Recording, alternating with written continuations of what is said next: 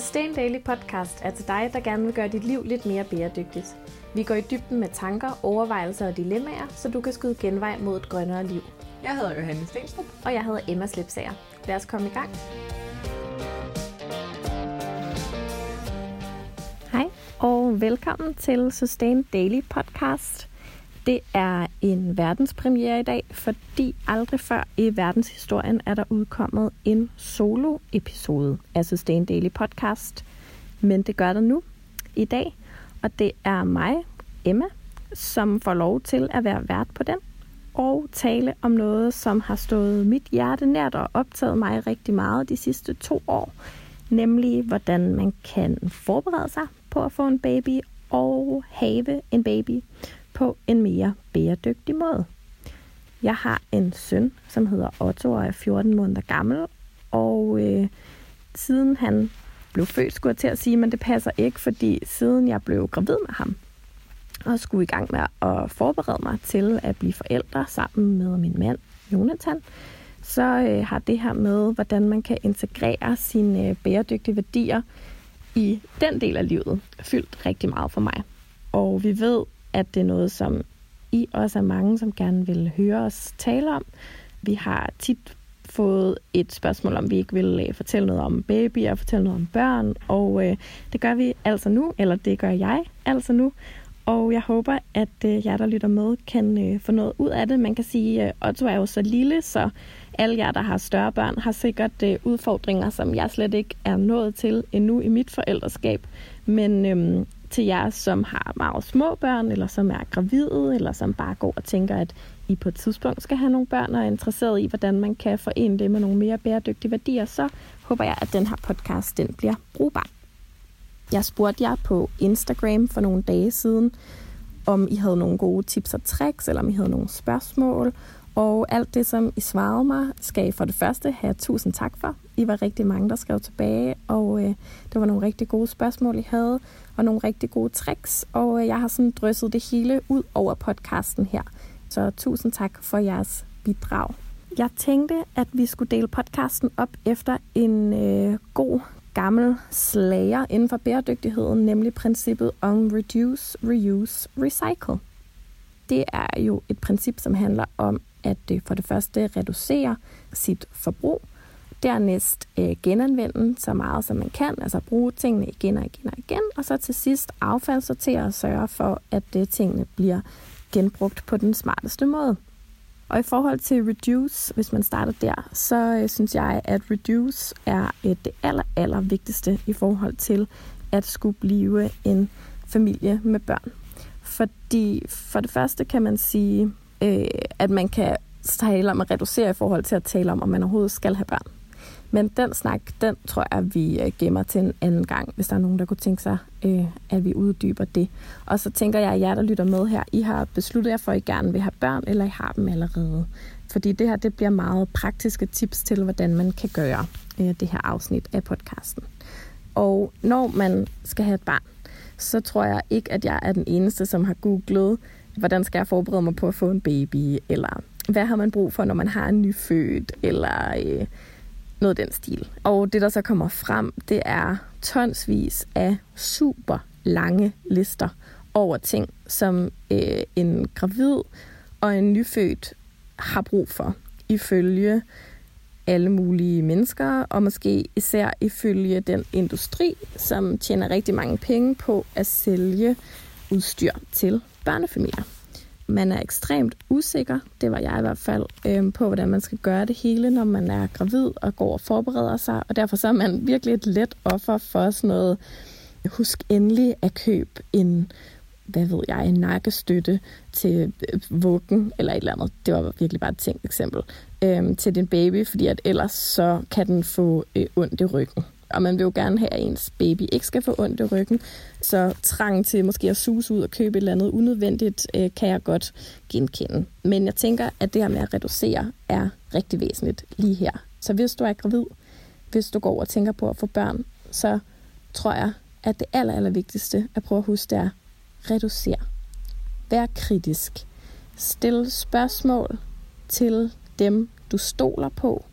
Tal med dem om, hvad de har haft brug for.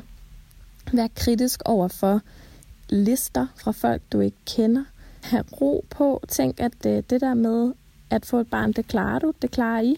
Det er ikke øh, noget, som man behøver at øh, have et gigantisk forbrug for at kunne klare. Så hvad gør man så, når man skal reducere? Jeg tror, at det, som er vigtigt, det er at tænke på, hvilke nogle behov man har som familie. Det gælder alt muligt, man skal ud og anskaffe sig. En af jer skrev på Instagram, at øh, man skal huske, at man ikke behøver at flytte i et stort hus i forstederne, når man skal have et barn. Og det er jo virkelig et godt eksempel på, hvor man kan reducere. Øh, at der kan godt komme sådan en eller anden fornemmelse op i en, som jo hænger sammen med nogle samfundsnormer, om at det, det eneste rigtige sted for et barn at vokse op, det er i en villa med have, for eksempel. Men der kan man jo så stoppe op og være kritisk og rolig og spørge dem, som man stoler på, hvordan de har gjort det, hvad der har fungeret for dem, og om de har erfaringer med, at det for eksempel var nødvendigt med en have. Jeg kender meget få nyfødte, øh, som øh, har klaget deres forældre over ikke at have en have, i hvert fald. øh, så øh, sådan noget kan man jo tænke på. Men også i forhold til de mere sådan lavpraktiske ting. Hvilken barnevogn skal man vælge? Skal man øh, købe den der slyngevugge, som alle de seje poster billeder af på Instagram? Skal man have en masse tøj? Bliver ens barn sygt, hvis man køber en genbrugsbamse, og det ligger og lugter til den? Alle sådan nogle spørgsmål kan man jo have op i sit hoved. Øh, og der tror jeg som sagt, at det er godt at tænke på sine behov. Hvad er man for en slags familie? Er man øh, en familie, som øh, for eksempel ikke har nogen adgang til en vaskemaskine inden for en radius af et eller andet, man synes er øh, overskueligt, så kan det jo godt være, at man skal have lidt mere tøj. Er der en i familien, som er enormt glad for at løbe, så kan det være, at man skal have en vogn, man kan løbe med. Det var for eksempel sådan, vi afgjorde, hvilken barnevogn vi skulle have. Det var, at man skulle kunne løbe med den, fordi at øh, Jonathan godt kan lide at løbe. Så vi købte sådan en trehjulet en, ja, så man kan tænke over, hvilke nogle behov man har. Og så tror jeg også, at det er et rigtig godt tip at huske, at man godt kan vente med at købe ting til efter barnet er født. Altså man behøver ikke at have det hele klar til det første halve år, inden man tager afsted på hospitalet, eller øh, fylder fødekarret derhjemme, eller hvordan man nu har tænkt sig, at ens barn skal komme til verden. Man kan altså sagtens vente med at anskaffe tingene, til man rent faktisk har brug for dem.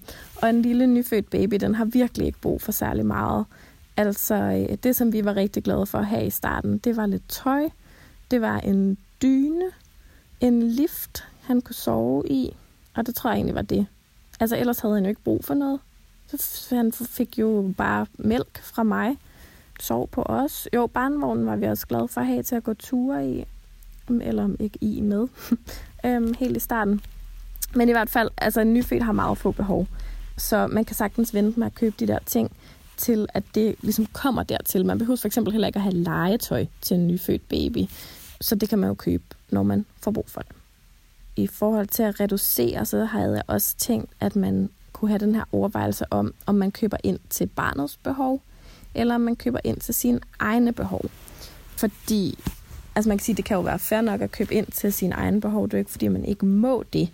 Men tit bliver det nok lidt mudret, at man tænker, at ens barn har behov for nogle rigtig, rigtig søde sæt tøj, eller ens barn har behov for en eller anden smart vugge, som kan klipses på sengen, eller ens barn har behov for den nyeste, øh, what do I know, trip-trap-stol, eller et eller andet, hvor det i virkeligheden er ens selv, som måske synes, den nyeste er pænest. Det er ikke fordi, som sagt, at man ikke må købe noget, som opfylder ens egne behov, men jeg tror, det kan være en meget god øvelse at overveje sådan inden et køb, om det er noget, man køber fordi barnet har behov for det, eller det er noget, man køber, fordi man selv synes, det kunne være lidt nice at have. Og så er der jo det her med i det hele taget at tænke kvalitet frem for kvantitet. Altså køb færre ting, og køb dem i bedre kvalitet. Det næste, det er jo så reuse, altså genanvend. Og det er min meget, meget store kæphest i forhold til børn, det er, at der simpelthen er så meget, man kan genanvende. Øhm, der er sindssygt meget brugt til børn. Altså både udstyr og tøj og legetøj og redningsveste og senge og alt muligt kan man få brugt. Men hvis vi skal starte med det, som rigtig mange af jer har spurgt til, så er det stofblæer, som jo både kan man sige er en måde at reducere øh, mængden af affald, man producerer, når man har et blæbarn, men også en måde at øh, genanvende på, fordi stofblæer jo kan øh, vaskes. Øh, hvis du ikke allerede ved det, så er stofblæer ikke det samme, som øh, ens forældre måske fortæller om, at øh, nogle af deres øh, hippievenner brugte i 70'erne til deres børn, men en moderne udgave af det koncept. Øh, man kan få sådan nogle covers, hedder det, som ligesom er sådan en blæbuks, hvor man så putter sådan nogle stofindlæg ned i. Og det kan man så bruge i stedet for at bruge engangsblæer. Og øh, så kan de her stofindlæg tages ud og vaskes og bruges igen. Så det er en måde at have blæ på sit barn, uden at man skal smide blæen ud efter hver brug.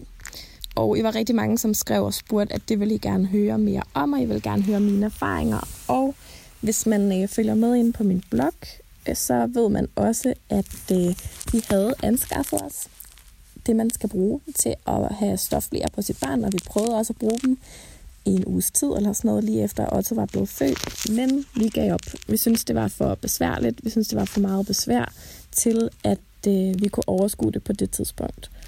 Og måske var det en dårlig taktik. Måske skulle vi ikke have prøvet det helt fra starten. Måske skulle vi have ventet til han var nogle måneder eller et eller andet, bare nogle uger, så vi lige havde vendet os lidt til at have en baby. Jeg ved ikke helt, hvad det var, der gik galt, men det blev i hvert fald ikke til noget. Så vi bruger almindelige blæer. Jeg øh, køber dem, som er svanemærket, men som man jo stadigvæk smider ud efter hver brug. Øh, så jeg er bange for, at jeg ikke er nogen særlig god kilde til viden om at bruge stofblæer. Jeg ved, at øh, rigtig mange er glade for at bruge dem. Øh, jeg ved også, at rigtig mange ligesom os har droppet at bruge dem, fordi det var for besværligt. Jeg tror også, det kommer lidt an på, hvilken barsel man har. Øh, hvor meget man er på farten, hvor meget man er hjemme, fordi altså når man er på farten, så er det jo bare sådan lige lidt ekstra besværligt at skulle transportere den der brugte stofblæ eller de der brugte indlæg hjem. Ikke at det ikke kan lade sig gøre, men det gør det da lige lidt mere besværligt. Og vi var ret meget på farten, så sådan nogle ting kan jo også spille ind. Men selvfølgelig, hvis man virkelig vil bruge stofblæer, så kan man altså også sagtens gøre det. Øh, det skal slet ikke være en fortælling om, at det er umuligt, fordi det er nok bare primært et dogenskab, der gjorde, at det, at det ikke blev til noget hos os. Ja, yeah. så det er jo et sted, hvor man kan sige, at man kan øh, både reducere rigtig meget affald, og man kan genanvende rigtig meget, hvis man får det til at fungere. Og det har vi ikke fået. Og jeg tror også, at man i tiden med en nyfødt baby, specielt hvis det er den første nyfødte baby, skal give sig selv ret lang snor i forhold til, at det er super at forsøge, og hvis ikke tingene de lykkes, så er det også helt i orden. Så er der ingen grund til at stresse over det. Men nogle andre måder, som man kan genanvende, genbrug på i forhold til børn, det er jo at arve tøj, arve ting. Øh, vi har arvet en seng, vi har arvet en trip-trap-stol, en autostol, en hel masse tøj til Otto, dengang han var nyfødt, og også lidt til nu, hvor han er større. Og det er jo sindssygt hyggeligt at arve ting fra andre, øh, som de har været glade for til deres børn. Men det er jo ikke alt, man kan arve. Det er i hvert fald ikke øh, alle, der er så heldige. Øhm, hvis man nu for eksempel er den mindste søsken, og ens større søskende, de har fået de børn, de skal have, så kan man jo godt være heldig, at der simpelthen nærmest ligger alt, hvad man har brug for til en baby, klar til en, så man kan arve. Men hvis man ikke er i den situation, og kun kan arve lidt eller slet ingenting, så kan man jo også bare købe brugt. Og det kan man gøre på alle mulige forskellige måder, og jeg har virkelig, virkelig god erfaring med det. Der er ikke det, vi ikke har kunne finde brugt til Otto. Det sted, jeg tror, jeg har købt flest ting, det er på den app, der hedder Reshopper. Hvis du har et barn, så kender du 100% sikkert Reshopper allerede. Hvis du øh, er gravid og ikke har hørt om Reshopper endnu, så er jeg virkelig glad for at få lov til at være den, der giver dig det tip. Fordi Reshop er sådan en app, hvor man kan købe og sælge brugt til børn, og der findes alt derinde. Så download den, hvis du ikke allerede har den. Og start der, når du har brug for noget til dit barn. Altså start med at gå ind på Reshop og se, om ikke du kan finde det brugt der. Man kan også gå på Den Blå Avis. Det er der, hvor vi for eksempel har købt vores barnevogn. Vi lavede en søgeagent på den model, vi fandt ud af, at vi gerne ville have, og så gik der et par uger eller sådan noget, og så havde vi fundet den model til en pris, som vi synes var fair, og i en afstand, vi kunne overskue og øh, skulle ud og hente den. Man kan også gå i mødrehjælpen. De har butikker over hele landet, som er rigtig, rigtig fine, går til et godt formål. Man kan gå i andre sådan dedikerede børnegenbrugsbutikker. Der er også noget, der hedder Børneloppen, som er sådan et sted, hvor man kan øhm, sælge ud af sine ting og ligesom have en loppemarkedsstand, øh, som så er ikke permanent, men som ligesom er inde i et stort rum sammen med en masse andre loppemarkedsstande, men man behøver sikkert være der selv. Og alle de ting, det er jo ligesom steder, der hjælper en med at købe brugt til sit barn. Og jeg tror, at der gælder sådan fuldstændig de samme principper, når man køber brugt til børn, som der gør, når man køber brugt til sig selv. Man kan finde det meste. Det kræver lidt ekstra tålmodighed. Det kræver jo nogle gange også, at man cykler et eller andet sted hen og henter noget. Så den mulighed, kan man sige, er jo helt klart for os, som har noget fleksibilitet, enten i form af, at man måske er studerende og har meget tid på skemaet, øh, som man kan bruge til de her ting, eller i form af, at man har noget overskud, øh, som man fx efter arbejde eller med et barn bag på cyklen eller sådan noget, når de bliver lidt større, kan overskue at cykle et sted hen og hente en brugt flyverdragt, eller hvad det nu er, man har haft brug for. Der er også en anden ting, og det er de her rotationsgrupper på Facebook. Det er grupper, hvor folk øh, giver ting til børn væk. Øhm, de findes for byer, og i de større byer findes de for postnumre eller for kvarterer i byen. Øh, og der giver folk seriøst alt væk. Men jeg har ikke rigtig selv fået brugt det, fordi det kræver, at man er rigtig, rigtig hurtig. Når der er nogen, der giver noget væk, så er der virkelig hurtigt nogen, der skriver, at de gerne vil have det. Og man kan sige, at de grupper, tænker jeg i hvert fald også selv, som et tilbud primært til dem, som ikke har mulighed for selv at købe tingene brugt, øhm, som måske er rigtig presset økonomisk eller sådan noget. Så man kan sige, at hvis man ikke ligesom får hapset noget fra de grupper, så er det jo bare fordi, at det er gået til et andet hjem. Det er ikke sådan, at man skal tænke, at man ligesom redder dem fra at blive smidt ud ved at tage dem inden for de grupper. Der er altså nogen, som rigtig gerne vil have det, øh, og som måske også har fortjent det lidt mere, tænker jeg i hvert fald selv. Og så er der jo endelig de her børnetøj på abonnementsordninger, som for eksempel det, der hedder Vika, hvor man ligesom sammen med en masse andre sørger for, at noget børnetøj bliver brugt igen og igen, indtil det er slidt op. De helt små børn, de bruger jo på ingen måde tøjet, indtil det er slidt op. De ligger primært bare stille med det på, øh, og vokser jo et sindssygt hurtigt, så de bruger det heller ikke i ret lang tid af gangen. Så det giver jo rigtig, rigtig god mening at lave sådan en rotationsordning, hvor man ligesom sørger for, at øh, der er flere babyer, som øh, får brug af tøjet. Det er selvfølgelig en lidt dyrere løsning, end at købe tingene brugt eller at arve dem. Øh, men til gengæld er der også ligesom sørget for det hele, så man skal ikke bruge tid på hverken at cykle rundt til folk, der sælger ud privat via reshopper, eller på at gå ned i mødrehjælpen og lige tjekke et par gange, inden der er et par sko i den rigtige størrelse eller sådan noget. Der er det hele ligesom klappet og klart og super tjekket. Så er der Recycle, som er den sidste del i Reduce, Reuse, Recycle. Og det er jo et spørgsmål om, hvordan man skiller sig af med de ting, man ikke længere skal bruge. Jeg gør rigtig tit det, at øh, de ting, som Otto ikke længere kan passe, dem vurderer jeg i tre kategorier. Første kategori er noget, jeg bliver nødt til at gemme, øh, fordi det enten simpelthen bare er for cute til, at jeg kan give det væk, eller fordi der har for høj affektionsværdi. Altså for eksempel øh, små veste, min mor har strikket til Otto. Dem kan jeg jo ikke give væk til andre. Dem beholder jeg til Ottos efterfølgere. Det var den ene bunke ting, jeg gerne selv vil gemme af forskellige årsager. Den anden bunke, det er ting, jeg har en veninde, der skal have. Jeg kender rigtig mange, som har fået børn her øh, nogenlunde samtidig med mig, og heldigvis også nogen, som har fået det lidt efter mig. Så øh, nogle af Ottos smarte outfits, de har kunne gå direkte i arv til nogle af alle hans øh, lidt mindre venner. Og det synes jeg er en mega, mega hyggelig måde at sørge for, at øh, de ting, man har, de bliver brugt igen. Og så den sidste bunke, jeg laver, det er en mødrehjælpen-bunke. Det er de ting, som øh, jeg går ned med og giver til mødrehjælpen, sådan så de kan stå for at sælge dem videre, eller øh, bruge dem på andre måder, hvis de ikke kan sælges videre. Så det, man kan give væk, det kan man ligesom give væk på forskellige måder. Man kan selvfølgelig også give det i de her rotationsgrupper på Facebook. Det har jeg faktisk ikke selv gjort. Det er nok fordi, at det primært er tøj, vi har skilt os af med indtil nu. Vi har faktisk også skilt os af med en autostol, som jeg gav til en, som havde slået op inde på den der rotationsgruppe, at de manglede en autostol. Så det er jo ikke helt rigtigt, at jeg ikke har givet noget væk der. Ja, men altså send det, som du ikke længere bruger videre. Alt det tøj, der er blevet for småt, videre med det. Hvis det har ekstremt høj affektionsværdi, og du bliver mega sentimental af at kigge på det, gem det. Hvis ikke, så øh, gå med det ned i møderhjælpen, eller giv det til en veninde, eller en ven, eller en eller anden, du kender, som øh, har et barn, som er mindre end dit eget. Det vigtigste, det giver man selvfølgelig til sit næste barn. Det er jo virkelig også hyggeligt. Jeg har for eksempel også ting til Otto, som jeg selv har haft som baby, og det er jo mega hyggeligt. Og det gælder jo også bare om at have antennerne lidt ude i sin familie og sådan noget i forhold til, hvem har egentlig gemt hvad.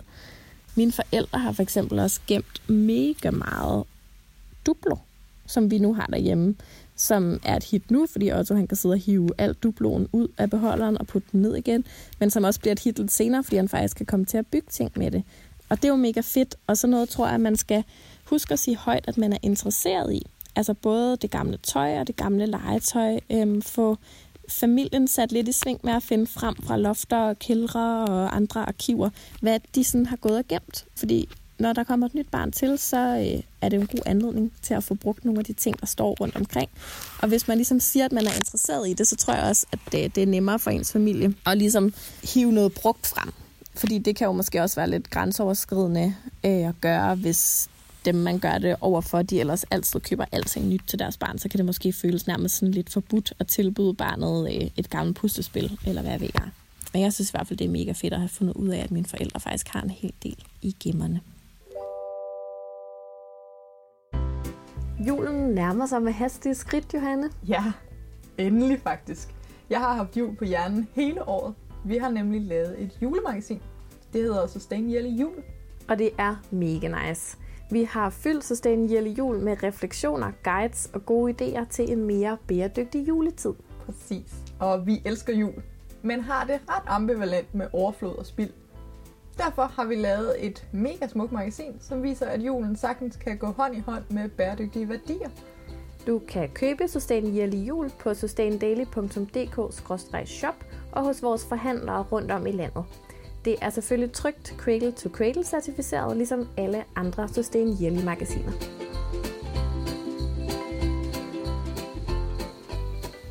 Så det var Reduce, Reuse, Recycle i forhold til at øh, forberede sig på at få et barn, og i forhold til at have et helt lille barn, som jo er det, jeg har prøvet. Jeg kan virkelig ikke understrege nok, hvor meget jeg synes, det er utroligt, hvad man bliver forsøgt prakket på som kommende forældre af dims og ting og sager. Og jeg har hørt rigtig, rigtig mange, som for eksempel har fået at vide, at man ikke kan bruge en brugt barnevogn eller sådan noget, fordi at den så altså, nærmest er giftig for barnet. Eller sådan. Og selvfølgelig er der nogle ting, man skal være opmærksom på. Vi købte for eksempel en ny dyne, fordi vi hørte, at dyner og madrasser og sådan noget, der kan der godt være sådan øh, skimmel i, hvis de har for eksempel er blevet opbevaret på et loft eller et eller andet. Øhm, men sådan, nu hvor Otto er så stort, at han skal til at have en juniordyne, så er vi ligesom kommet til fornuft og har indset, at selvfølgelig kan vi bruge, købe en brugt dyne, vi skal jo bare vaske den. Altså, det kunne vi jo også godt have gjort med en babydyne. Men det gjorde vi ikke, fordi vi læste et eller andet sted begge to, at uha, dyner, det skulle man passe lidt på og sådan noget. Og selvfølgelig skal man ikke være uansvarlig. Men igen, man må gerne bruge sin kritiske sans. Man må gerne bruge sin sunde fornuft.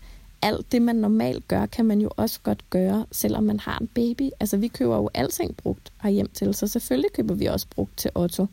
Ja, hvad prøver jeg at sige? Jeg tror bare, jeg prøver at sige, at jeg har virkelig sympati for jer, som står midt i det her og ikke ved, hvad I skal gøre, fordi det er sygt forvirrende. Og det er stadigvæk forvirrende for mig, og det var forvirrende for mig, mens jeg var gravid. Og jeg tror bare, at mit bedste råd er, altså, vær kritisk, stille spørgsmål til dem, som du kender godt, som du gerne vil lære af, og så lad alle andres gode råd være, og så vær rolig. Vær rolig, vær rolig, vær rolig. Dit barn kommer til at få et så dejligt liv, uanset om du har alle stoflærerne fra starten, eller om du skal ud og købe nogle flere stofblære, når barnet er en uge gammelt.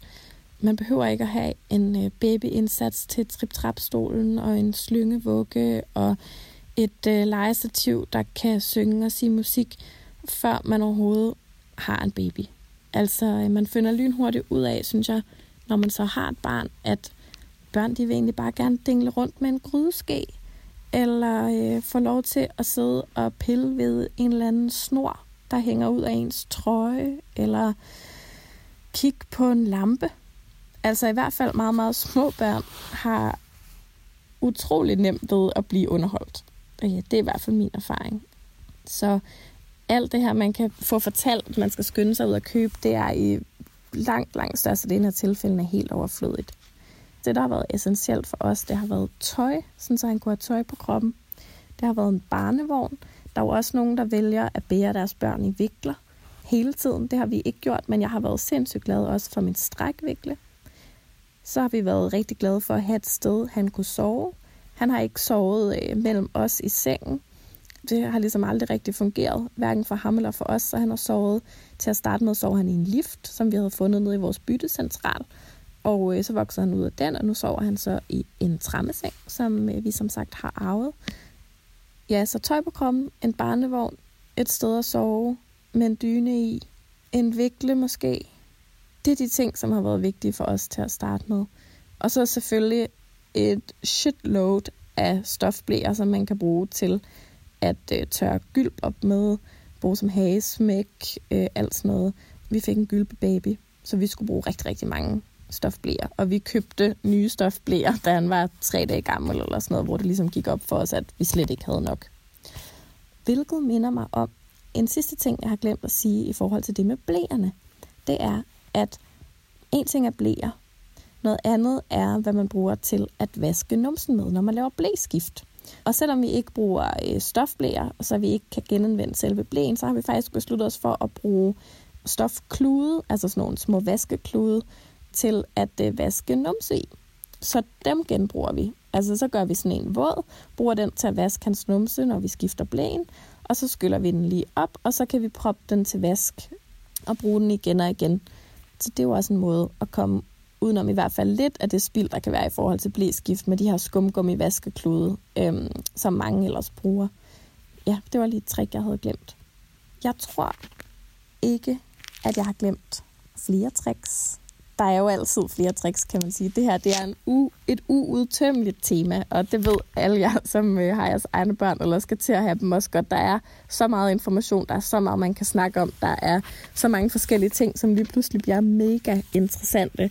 Jeg håber bare, at det her, det her kunne være sådan lidt et overblik over, hvad man i hvert fald kan tænke at have for nogle principper i forhold til sit barn, øh, nemlig reduce, reuse, recycle.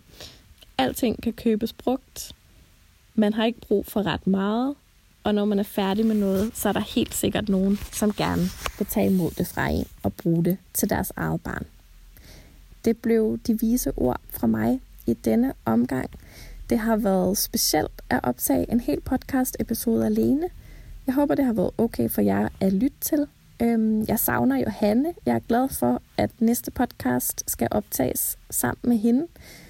Så Johanne, hvis du lytter med, så vil jeg bare sige, at du er verdens bedste podcast medvært. Udover at øh, du er mega, mega, mega sej, så er du også øh, dejlig til at stille spørgsmål. Og øh, det er dejligt, når man optager podcast. Tak fordi du lyttede med til Sustain Daily Podcast i dag.